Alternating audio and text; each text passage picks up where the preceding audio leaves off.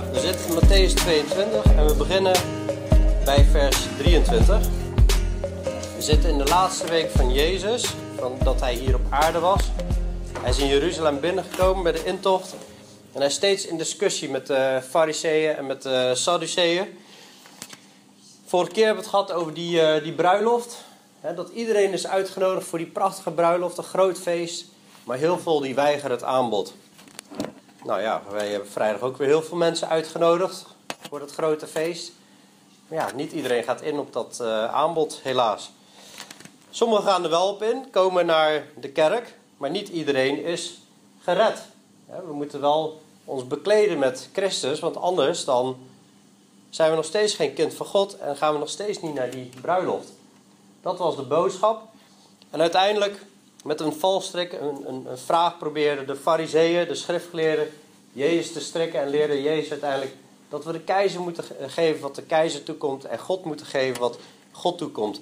En uiteindelijk komt God toe dat wij ons hele leven geven en van daaruit volgt de rest. Nou, we lezen vandaag over de Sadduceeën en de opstanding. En daarna hebben we een stukje over het grote gebod, wat we eigenlijk bij Huis van God heel vaak noemen. En dan gaat Jezus, in plaats van dat ze hem een vraag stellen, gaat Jezus hun eens een keer een vraag stellen. En toen ik dit stukje voor de eerste keer las, dacht ik van, wat moet ik hier nou toch over preken? Het is zo duidelijk. En toch, als je erin duikt, valt er nog genoeg te ontdekken. Nou, we gaan het eens lezen. Matthäus 22, vers 23. Op die dag kwamen de Sadduceeën naar hem toe. Die zeggen dat er geen opstanding is. En zij vroegen hem: Meester, Mozes heeft gezegd: als er iemand sterft die geen kinderen heeft, dan moet zijn broer zijn vrouw nemen, uh, trouwen en voor zijn broer nageslacht kinderen verwekken. Nu waren er bij ons zeven broers en de eerste trouwde en stierf. En omdat hij geen kinderen had, geen nageslacht had, liet hij zijn vrouw na aan zijn broer. Zo ook de tweede en de derde tot de zevende toe. Nou, wel sterk verhaal, hè? Zeven broers die sterven. Maar uiteindelijk sterft ook die vrouw. En hebben ze een denk, denken ze een hele slimme vraag te hebben. In de opstanding dan, van wie van die zeven zal zij de vrouw zijn? Want zij hebben haar allen als vrouw gehad. Maar Jezus antwoordde en zei tegen hen: U dwaalt omdat u de schriften niet kent en ook niet de kracht van God. Want in de opstanding nemen ze niet ten huwelijk en worden ze niet ten huwelijk gegeven, maar ze zijn als engelen van God in de hemel. En wat de opstanding van de doden betreft, hebt u niet gelezen wat door God tot u gesproken is toen hij zei: Ik ben de God van Abraham en de God van Isaac en de God van Jacob. God is niet de God van doden, maar van levenden. En toen de menigte dit hoorde, stonden zij versteld van zijn onderwijs. Toen de fariseeën gehoord hadden dat hij de Sadduceeën de mond gesnoerd had, kwamen zij bijeen, bij elkaar. En een van hen, een wetgeleerde, vroeg, hem, vroeg om hem te verzoeken: Meester, wat is het grote gebod in de wet? En Jezus zei tegen hem: U zult de Heere uw God liefhebben. Met heel uw hart, met heel uw ziel en met heel uw verstand. Dit is het eerste en het grote gebod. En het tweede, hieraan gelijk, is: U zult uw naaste liefhebben als uzelf. Deze, aan deze twee geboden hangt heel de wet en de profeten. Toen de fariseeën bijeen waren, vroeg Jezus hun: Wat denkt u over de Christus? Wiens zoon is hij? En ze zeiden tegen hem: Davids zoon. zo van, dat weet toch iedereen? En hij zei tegen hen: Hoe kan David hem dan in de geest zijn Heere noemen als hij zegt: De Heere heeft gezegd tegen mijn Heere: Zit aan mijn rechterhand totdat ik uw vijanden neergelegd heb als een voetbank voor uw voeten. Als David hem dan in uh, zijn heren noemt, hoe kan hij dan zijn zoon zijn? En niemand kon hem een, antwoord, uh, een woord antwoorden en ook durfde niemand hem vanaf die dag meer iets te vragen. Nou, dat wordt interessant. Nou, terug naar vers uh, 23. De, de Sadduceeën. Ik wil eerst even beginnen met uh, gebed. Hemels Vader, Heer Jezus, dank u wel voor deze dag. Heer, wilt u ons helpen dat we uw woord goed mogen begrijpen, Heer. En dat we rust mogen hebben in, in ons hart en in ons hoofd. En Heer, dat u tot ons spreekt terwijl wij door uw woorden gaan. in elk woord wat u gesproken hebt, daar zit iets in. Een belangrijke les die we kunnen leren. Heer, help ons om die les te leren en niet alleen maar tot ons verstand te nemen, maar ook tot ons hart en ziel. En dat we u mogen liefhebben, Heer. Help ons om te luisteren naar uw woorden, Heer, met een open hart. In Jezus' naam, amen. Nou, eerst waren de fariseeën met Jezus in gesprek geweest, hè? Had hij ze uitgelegd over die koninklijke bruiloft en, en ze hadden ze hem geprobeerd te strekken met de vraag over die, moeten ze de, uh, de keizer belasting betalen? Dan zijn die fariseeën weg en dan denken de Sadduceeën, wij gaan het ook eens proberen. Nou, je had dus de groep fariseeën en je had de groep Sadduceeën. Fariseeën, die hadden eigenlijk boven de wet van Mozes en de profeten hadden ze hun eigen regels erbij bedacht. Sadduceeën, die gingen ervan uit dat alleen maar de vijf boeken van Mozes eigenlijk het woord van God was. Die hadden gezag. De boeken van Mozes hadden gezag en de profeten en al die andere boeken, daar luisterden ze eigenlijk niet zo naar. Dat zagen ze niet als gezaghebbend van God. Dus als je, als je hier leest dat ze, zij geloven dat er geen opstanding is. Nou, ik, ik, ik, ik, snap dan, ik snapte er eerst niks van. Want ik denk, ja, als je Daniel, als je Daniel leest en je leest uh, Ezekiel. Uh, nou, dan, dan staat er gewoon heel duidelijk dat er een opstanding zal zijn. Hoe kan het dan dat zij op een gegeven moment geloven dat er geen opstanding is? Nou, dat komt omdat ze zich alleen baseren op de vijf boeken van Mozes. En als ik iemand zou moeten uitleggen aan de hand van de vijf boeken van Mozes. en ik zou dit stukje van Jezus niet hebben gekend, wat hij zegt. zou ik het heel moeilijk hebben gevonden om ergens te ontdekken van. de vijf boeken van Mozes leren de opstanding. Maar we moeten eens opletten hoe, hoe Jezus daarmee omgaat. Dus echt een heel slim antwoord geeft hij. Dus ze komen naar hem toe, komen met een heel slim verhaal. Meester, zeggen ze ook tegen hem. Ze zetten hem eerst op een mooie plek neer. Maar proberen hem eigenlijk ook te strikken. En dan gaan ze dus uit van Mozes. Dat zie je hier weer. Mozes heeft gezegd: als er iemand sterft die geen kinderen heeft, dan moet zijn broer zijn vrouw trouwen en voor zijn broer kinderen verwekken. Nou, die sterft dan en zo trouwt die volgende broer met die vrouw. En als die sterft, enzovoort. Een beetje een ongeloofwaardig verhaal. Zeven broers die achter elkaar sterven. Misschien hadden ze ziekte in de familie, ik weet het niet. Stel dat het toch gebeurd is. Ze hebben in ieder geval een vraag. En zij denken dat ze op basis van deze vraag even de hele opstanding kunnen wegredeneren, wegbedenken, zeg maar. In de opstanding dan, vers 28. Van wie van die zeven zal zij de vrouw zijn? Want ze hebben haar allen als een vrouw gehad. Maar Jezus antwoordde en zei tegen hen: U dwaalt omdat u de schriften niet kent en ook niet de kracht van God. De schriften, als Jezus spreekt over de schriften, dan bedoelt hij Mozes en de profeten en de psalmen en de andere eh, overige schriften.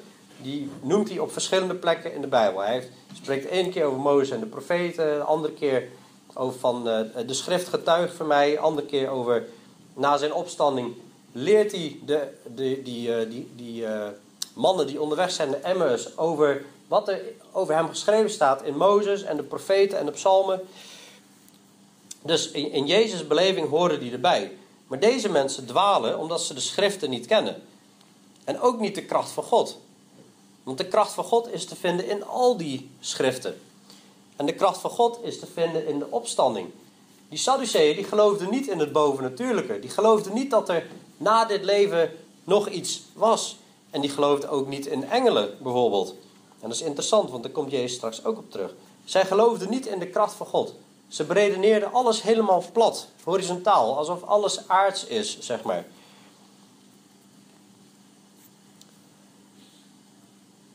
Dus hij zegt dat ze, dat ze dwalen, omdat ze niet de hele schrift als het woord van God zien. Nou, dan zien we eigenlijk vandaag de dag ook onder sommige christenen. Ik, ik ben echt christenen tegengekomen. Ja, de woorden van Jezus zijn belangrijk. En, en die brieven van Paulus. Ja, dat staat er ook wel, maar het gaat om wat Jezus heeft gezegd. Ja, natuurlijk, het gaat om wat Jezus heeft gezegd. Maar Jezus heeft autoriteit gegeven aan apostelen.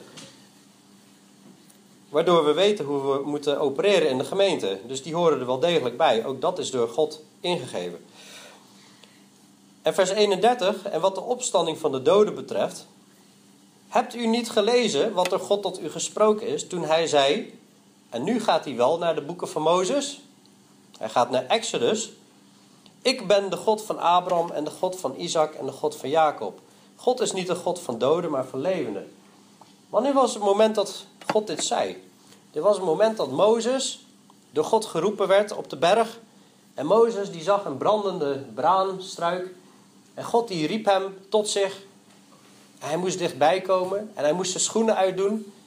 En God zei tegen hem: De grond waarop je staat, die is heilig. Want God was bij hem in de buurt en God is heilig.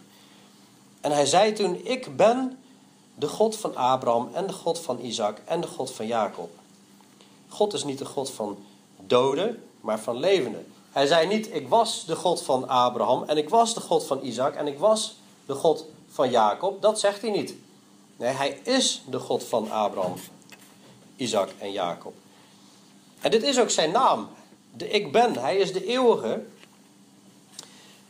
En als wij ons vertrouwen in God stellen, dan worden wij ook een nieuwe schepping. Zo is dan wie in Christus is, is een nieuwe schepping. Het oude is voorbij gegaan en het nieuwe is gekomen. God is een God van leven. Dus als wij ons vertrouwen in God stellen, dan behoren wij tot de levenden en niet meer tot de doden. Mensen die God niet kennen, die behoren tot de doden volgens God. De eeuwige dood. Dus dit is echt heel slim van Jezus. Wat hij doet op basis van de boeken van Mozes. Laat hij zien dat er wel, wel degelijk leven is na de dood. Dat er wel degelijk. Dat God een God van leven is. En, en dat, hè, dat mensen niet dood blijven. En toen de mensen dit hoorden, stonden ze versteld van zijn onderwijs. Zie je dat het best wel belangrijk is om soms wat achtergrondinformatie te weten. Bijvoorbeeld over hoe de Sadduceeën hun leer in elkaar hadden te zetten. Om te zien hoe groot dit is wat Jezus hier eigenlijk leert. Daarom staan die mensen zo versteld. Want misschien hadden ze nog nooit vanuit het Oude Testament gehoord dat de opstanding vanuit de boeken van Mozes ook te ontdekken was. En dat ontdekken ze nu misschien voor het eerst. Ik vind het in ieder geval een hele interessante ontdekking. En dan komen die fariseeën en die hebben gehoord dat hij de Sadduceeën de mond gesnoerd had. Nou, fariseeën en Sadduceeën die botsten met elkaar. Want die hadden een hele andere leer. Ze hadden wel allebei de boeken van Mozes, maar ze hadden gewoon een andere leer. De fariseeën, die bedachten eigenlijk dingen bij. En de Sadduceeën haalden eigenlijk dingen van Gods woord af. De fariseeën, dat is best wel interessant, die waren wel echt uh, mensen die echt wel de schrift onderzochten. En in het verleden goed onderzocht hadden en ontdekt hadden. Nou, er zijn 613 geboden. Maar wat deden ze volgens met die geboden? Gingen ze tellen, nou, er zijn 248 uh, eh, geboden. Nou, die vallen in de categorie als goede geboden. Dat vinden, vinden hun dan goed. En er zijn 365 geboden, dat, zijn, dat vinden ze dan slechte geboden. Niet, niet, niet dat ze slecht zijn, maar bijvoorbeeld iemand die zich niet aan de Sabbat hield, die moest gestenigd worden. Dat, vonden ze dan, dat bedoelden ze dan met een slecht gebod. Maar er waren ook goede dingen om een offer te brengen aan God bijvoorbeeld. Dus ze gingen ze opdelen in categorieën. En van al die geboden gingen ze ook nog zeggen... Ja, er zijn bepaalde geboden. Uh, niemand kan die 613 geboden onthouden. Dus laten we ze uh, ordenen in groepen van belangrijke en minder belangrijke ja, wie zijn wij om te bepalen welke geboden van God belangrijk zijn en welke niet belangrijk zijn?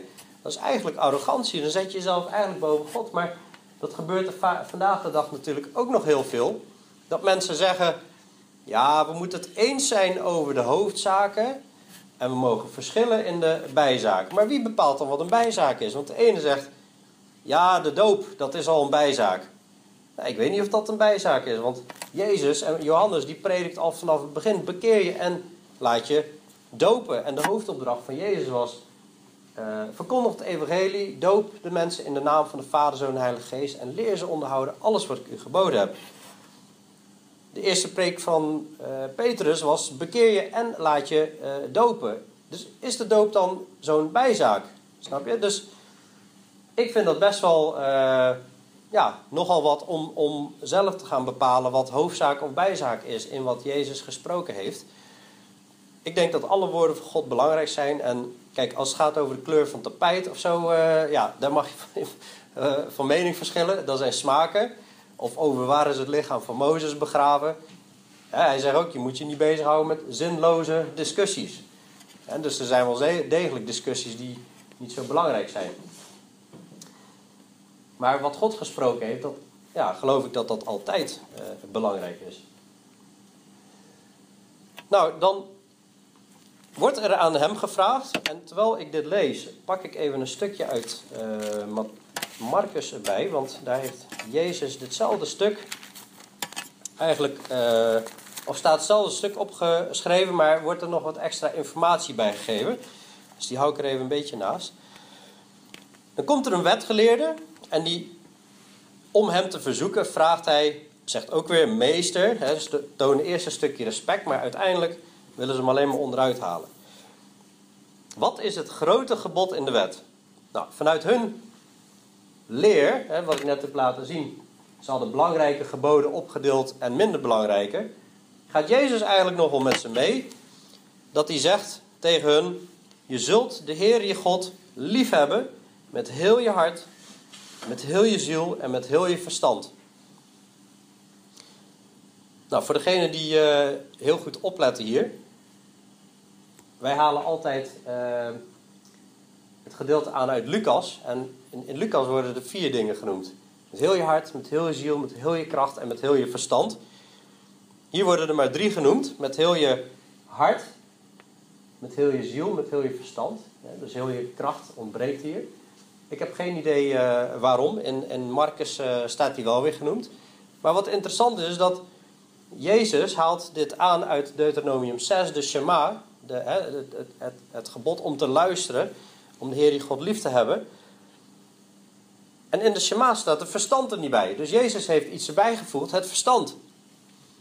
Die mensen gebruikten blijkbaar hun verstand niet, uh, zou je misschien kunnen concluderen. En ze gingen vertrouwen op eigen wegen, op eigen inzicht. Maar God heeft duidelijk gezegd: ken hem in al je wegen en steun op eigen inzichten niet. Moet je niet op steunen. Gebruik je verstand juist om God te volgen. Dit is het eerste en het grote gebod. Eigenlijk wordt de hele wet wordt daarin samengevat in dit eerste gebod. En het tweede gebod, hieraan gelijk is: u zult uw naaste lief hebben als uzelf. Hij zegt dat ze gelijk zijn. Tegelijkertijd zegt hij: de eerste is God liefhebben. En de tweede is je naaste liefhebben. Dus als die, als die twee botsen met elkaar, dan is het altijd eerst één: God meer gehoorzamen dan de mens. Altijd in die volgorde. Aan deze twee geboden hangt heel de wet en de profeten. Nou, we lezen in Romeinen 10 dat liefde de vervulling is van de wet. We lezen ook in, in, in de bergpreek, de eerste preek van Jezus in Matthäus, dat Jezus is gekomen niet om die oude wet af te schaffen, maar om hem te vervullen, waardoor het nieuwe wet werd. Daardoor hoeven we niet meer te offeren, daardoor, hè, want Jezus is het offer, daarom hoeven we niet meer één keer per jaar met de hoge priester de grote verzoendag te hebben, want Jezus is de hoge priester. Jezus heeft dat allemaal vervuld. Maar er blijven nog een aantal dingen staan en dat is elkaar liefhebben. Maar dit is wel een samenvatting. Jezus gaat met ze mee. Hij zegt: Oké, dit is het grote gebod. Als je dan toch wil opdelen in categorieën. Maar dit grote gebod is een samenvatting. Die twee grote geboden is een samenvatting van alle andere geboden.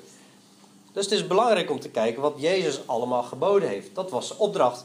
Leer de discipelen onderhouden alles wat Jezus geboden heeft. Nou, ik zal er een paar laten zien. Gaan we heel snel doorheen. Hoef je niet allemaal in één keer te onthouden, maar het gaat even om het idee: wat heeft Jezus zo al geboden? Enkele voorbeelden. Neem je kruis op en volg mij. Zegen wie jou vervloeken.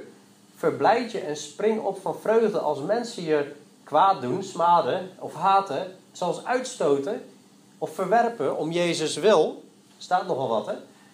Vrees hem die bij de ziel en lichaam in de hel kan gooien. En je moest geen mensen vrezen, maar God vrezen. Wees niet bezorgd over eten en kleding. Zoek eerst het koninkrijk van God. Laat je ja, ja zijn. Niet liegen, gewoon ja, ja laten zijn. Niet ja zeggen en nee doen. Ga heen zondag niet meer. Bekeer u, wees niet boos. Wees op de hoede voor valse profeten. Verneder uzelf voor God. Heb uw vijanden lief. Geen vrouw begeer in je hart. Vergader schatten in de hemel. Zweer niet. Niet scheiden. Blijf in mij. Laat uw licht schijnen voor de mensen.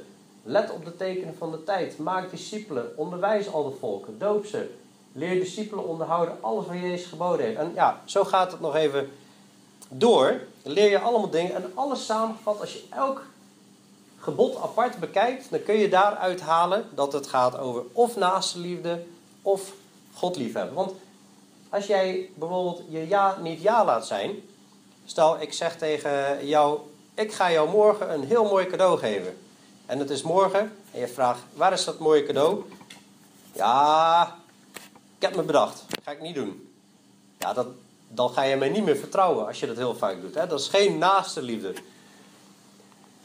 En zo kun je alles samenvatten in uh, ja, dit gebod dus. Maar de grote vraag is natuurlijk van... waarom stelt deze man die vraag? Om Jezus te strikken. Maar uiteindelijk erkent hij, dat staat dan in Marcus uh, 12... erkent hij dat, uh, hij zegt... Meester, u hebt naar waarheid gezegd dat God één is... en er is geen ander dan hij.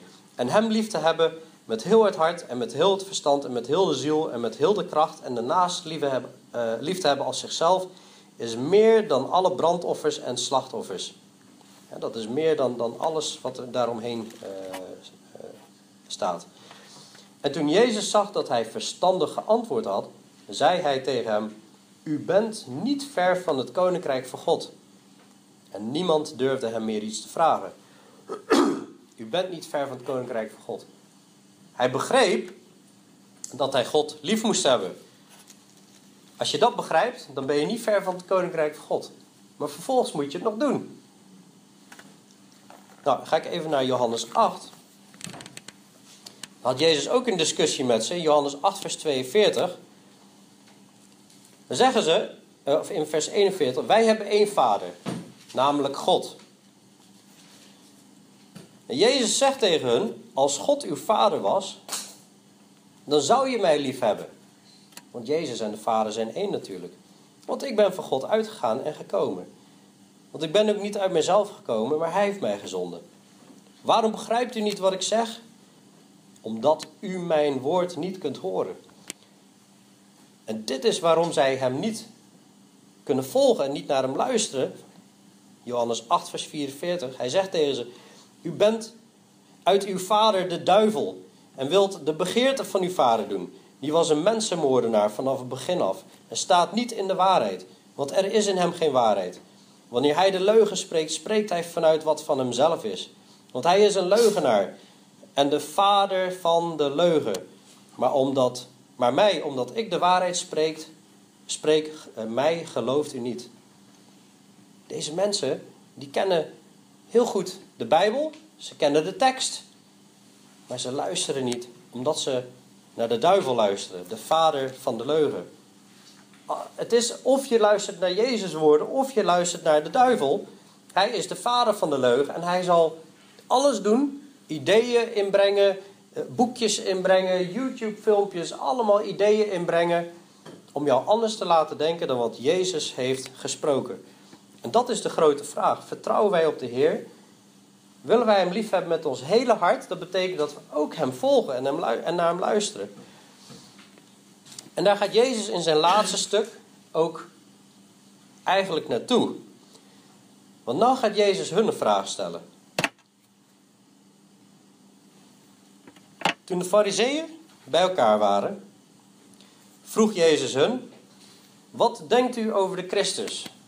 De Christus is de Messias. In, het, in de schriften van de Joden, in het Oude Testament, staat heel veel over de Messias die komen zou. Heel veel verzen. En heel veel verzen, daar wisten ze ook van. Dit zijn verzen die gaan over de Messias, over de Christus die komen zal, de Verlosser die komen zal. Van wie was hij de zoon, zegt hij. Nou, dat wisten ze allemaal. Dat staat op zoveel plaatsen in de Bijbel. De Messias is Davids zoon. Wat bedoelen ze daarmee? Niet direct Davids zoon, maar uit een van de nakomelingen van David. Dan zegt Jezus: hoe kan David hem dan in de geest, terwijl hij eigenlijk profiteert, zijn Heere noemen als hij zegt: De Heere, God de Vader, heeft tegen mijn Heere gezegd, de Zoon, zit aan mijn rechterhand totdat ik uw vijanden neergelegd heb als een voetbank voor uw voeten. Oké, dat, dat, nou wordt het een beetje lastig. Hè? Hoe, wat bedoelt hij nou? Nou, als we kijken naar de versen van, die gaan over de zoon van David, de Messias. Dat zijn messiaanse profetieën. Maar ook dit vers uit Psalm, dat komt uit Psalm 110. Zagen de Joden als een messiaans vers. Dat dat heel duidelijk ging over de Messias. Want hij, de Heere zegt tegen zijn Heere: Zit aan mijn rechterhand totdat ik uw vijanden neergelegd heb als een voetbank voor uw voeten. Wat Jezus hier doet, is dat hij eigenlijk aan de ene kant laat zien: die Messias heeft een goddelijke kant. En die Messias heeft een menselijke kant. Eén, hij zal uit de lijn van David geboren worden, maar hij is tegelijkertijd ook goddelijk. Hoe kun je die twee in elkaar matchen? Hoe kun je die twee in elkaar verenigen? Er is maar één oplossing om dit verenigbaar te maken, om te zorgen dat deze twee versen allebei kunnen kloppen. Dat is als God zelf mens wordt in de lijn van David. Want hij zegt op het eind: Als David hem dan zijn Heer noemt, hoe kan hij dan zijn zoon zijn? Wat Jezus hier wil zeggen is dat God zelf mens zal worden uit de lijn van David. En de mensen, ik denk dat de mensen dit begrijpen, omdat ze de schrift kenden en de uitleg dat dit messiaanse versen zijn. En dan staat er ook, en niemand kon hem een woord antwoorden. Mensen waren de mond gesnoerd. Want Jezus gebruikt gewoon de Bijbel om de werkelijkheid uit te leggen. Ook durfde niemand hem vanaf die dag meer iets te vragen. Ze konden gewoon niet tegen die wijsheid op. Jezus heeft de Sadduceeën de mond gesnoerd. Over de opstanding. Over dat wel degelijk engelen zijn. Dat mensen als engelen zullen worden. Hij heeft de fariseeën de mond gesnoerd. Hij heeft mensen geleerd van... Je moet de Heer je God lief hebben. En als je hem lief hebt, dan heb je ook mij lief. En dan luister je naar mijn woorden. Maar jullie luisteren niet naar mij. En niemand durfde hem een woord te antwoorden. En ook durfde niemand hem vanaf die dag meer iets te vragen. Want als Jezus spreekt, zijn woorden hebben gewoon kracht. Want hij is het woord wat alles om ons heen geschapen heeft. Hij, hij heeft de wijsheid in pacht. En dan proberen mensen tegen de wijsheid van God te gaan discussiëren. En het beter te weten dan God. Dat gaat je niet lukken. De grote vraag natuurlijk voor vandaag is: wat is de boodschap voor ons? En ik geloof dat de boodschap is: er is wel degelijk een opstanding. Er is wel degelijk leven hierna. Misschien zeggen de Joden van, nou, ik vind het wel een teleurstelling dat we hierna zullen worden als de engelen. en dat er geen huwelijk meer is. Maar ik hou zoveel van mijn man of mijn vrouw, kan ik me voorstellen. Maar die wereld die hierna komt, dat is niet een verlengstuk van wat wij nu hebben. Dat is gewoon totaal op de kop. Dat is echt werkelijk iets nieuws. En het enige huwelijk wat wij weten, wat er gaat plaatsvinden, dat is het huwelijk tussen de gemeente en tussen Jezus Christus. Tussen het lam, de bruid en de bruidegom, zeg maar. God is een God van levende. En God wil dat wij Hem volgen met heel ons hart, met heel onze ziel, met heel onze kracht en heel ons verstand. Met je hart, dat is met alles wat, wat, wat in je is, met, met je gevoel en je passie. Je ziel, dat, dat is met je hele wil. Ik wil de Heer volgen. Met je kracht, dat is met heel je inspanning, met je tijd beschikbaar stellen en je kracht en energie beschikbaar stellen. En met je, met je verstand, dat is gewoon nadenken en onderzoeken. Wat is zijn wil? Wat is, het grote, wat is de grote wil van God met de mensheid in de Bijbel? En wat is zijn wil in mijn leven? En daar geeft hij al heel veel aanwijzingen voor. En dan op persoonlijk vlak ga je natuurlijk ontdekken, wat zijn mijn gaven? Nou, dat staat niet precies in de Bijbel. Dat moet je gaan ontdekken. En zo mogen we binnen en buiten de gemeente dienen en onze naasten liefhebben als onszelf. Jezus heeft heel duidelijk gemaakt dat Hij God is die naar de aarde gekomen is in het lichaam van een mens. En dan moet ik continu op straat, als we gaan evangeliseren, onderwijzen al de volken, moet je mensen dat gaan, gaan leren. Dat God echt in het lichaam van een mens is gekomen en dingen heeft laten zien die nog nooit iemand heeft laten zien. Dat hij zelfs is opgestaan uit de dood en aan meer dan 500 mensen verschenen is na zijn opstanding. En dat het door vier mensen is vastgelegd op papier. En dat het eigenlijk overweldigend bewijs is. Het is echt een geloofwaardig verhaal, maar heel veel mensen weten het niet. En al weten ze het, moeten ze nog de keus maken om hun vertrouwen in God te stellen. En dat is elke keer de boodschap, continu, herhaaldelijk, door de profeten heen, wat we nu aan het lezen zijn. Bekeer je, bekeer je, bekeer je. En God wil zich verzoenen met ons, maar willen wij ons ook verzoenen met God? Wij zijn nou eenmaal zondige mensen en God biedt een oplossing om alles weg te wassen en vraagt ons ook om schoon te blijven en Hem te volgen met heel ons wezen, alles wat in ons is. En dat is weer de boodschap van Jezus. Nou, de volgende keer gaan we verder. En dan gaat hij eigenlijk echt openbaren wat er echt in het hart van de fariseeën is. En dat gaat hij, gaan alle remmen los, want hij gaat ze de waarheid vertellen over wat er echt in hun hart zit. En dat gaat hij openbaren aan de discipelen en aan de mensen die eromheen staan. Gaat hij duidelijk maken wat de hartgesteldheid is van de, de leiders van het volk van God op dat moment. En dat het niet goed zit. En de vraag is natuurlijk, hoe zit het met ons? En ook al hebben we voor Jezus gekozen, zijn we nog steeds bezig om dagelijks, elke dag die keuze te vernieuwen. En elke dag op te staan en zeggen, Heer, hier is mijn leven. Zegt u maar, zegt u maar wat u wil van mij. Ik wil u volgen in alles wat u van mij vraagt. Wat ik tegenkom in de schrift, maar als u ja, een, een, taak voor mij in gedachten hebt, dan laat het maar weten. Hemels Vader, Heer Jezus, dank u voor uw woord. Ook hier zien we weer, ja, als we het zo lezen, hoe, hoe, hoe simpel uw woord is. Het is zo goed te begrijpen wat u zegt en tegelijkertijd zit er zo'n diepe laag van wijsheid in. Dat u de mond van de mensen snoert en elke leugen die er is en elke waarheid die verdraaid is, Heer, die brengt u aan het licht. En u houdt alles tegen het licht van het woord van God.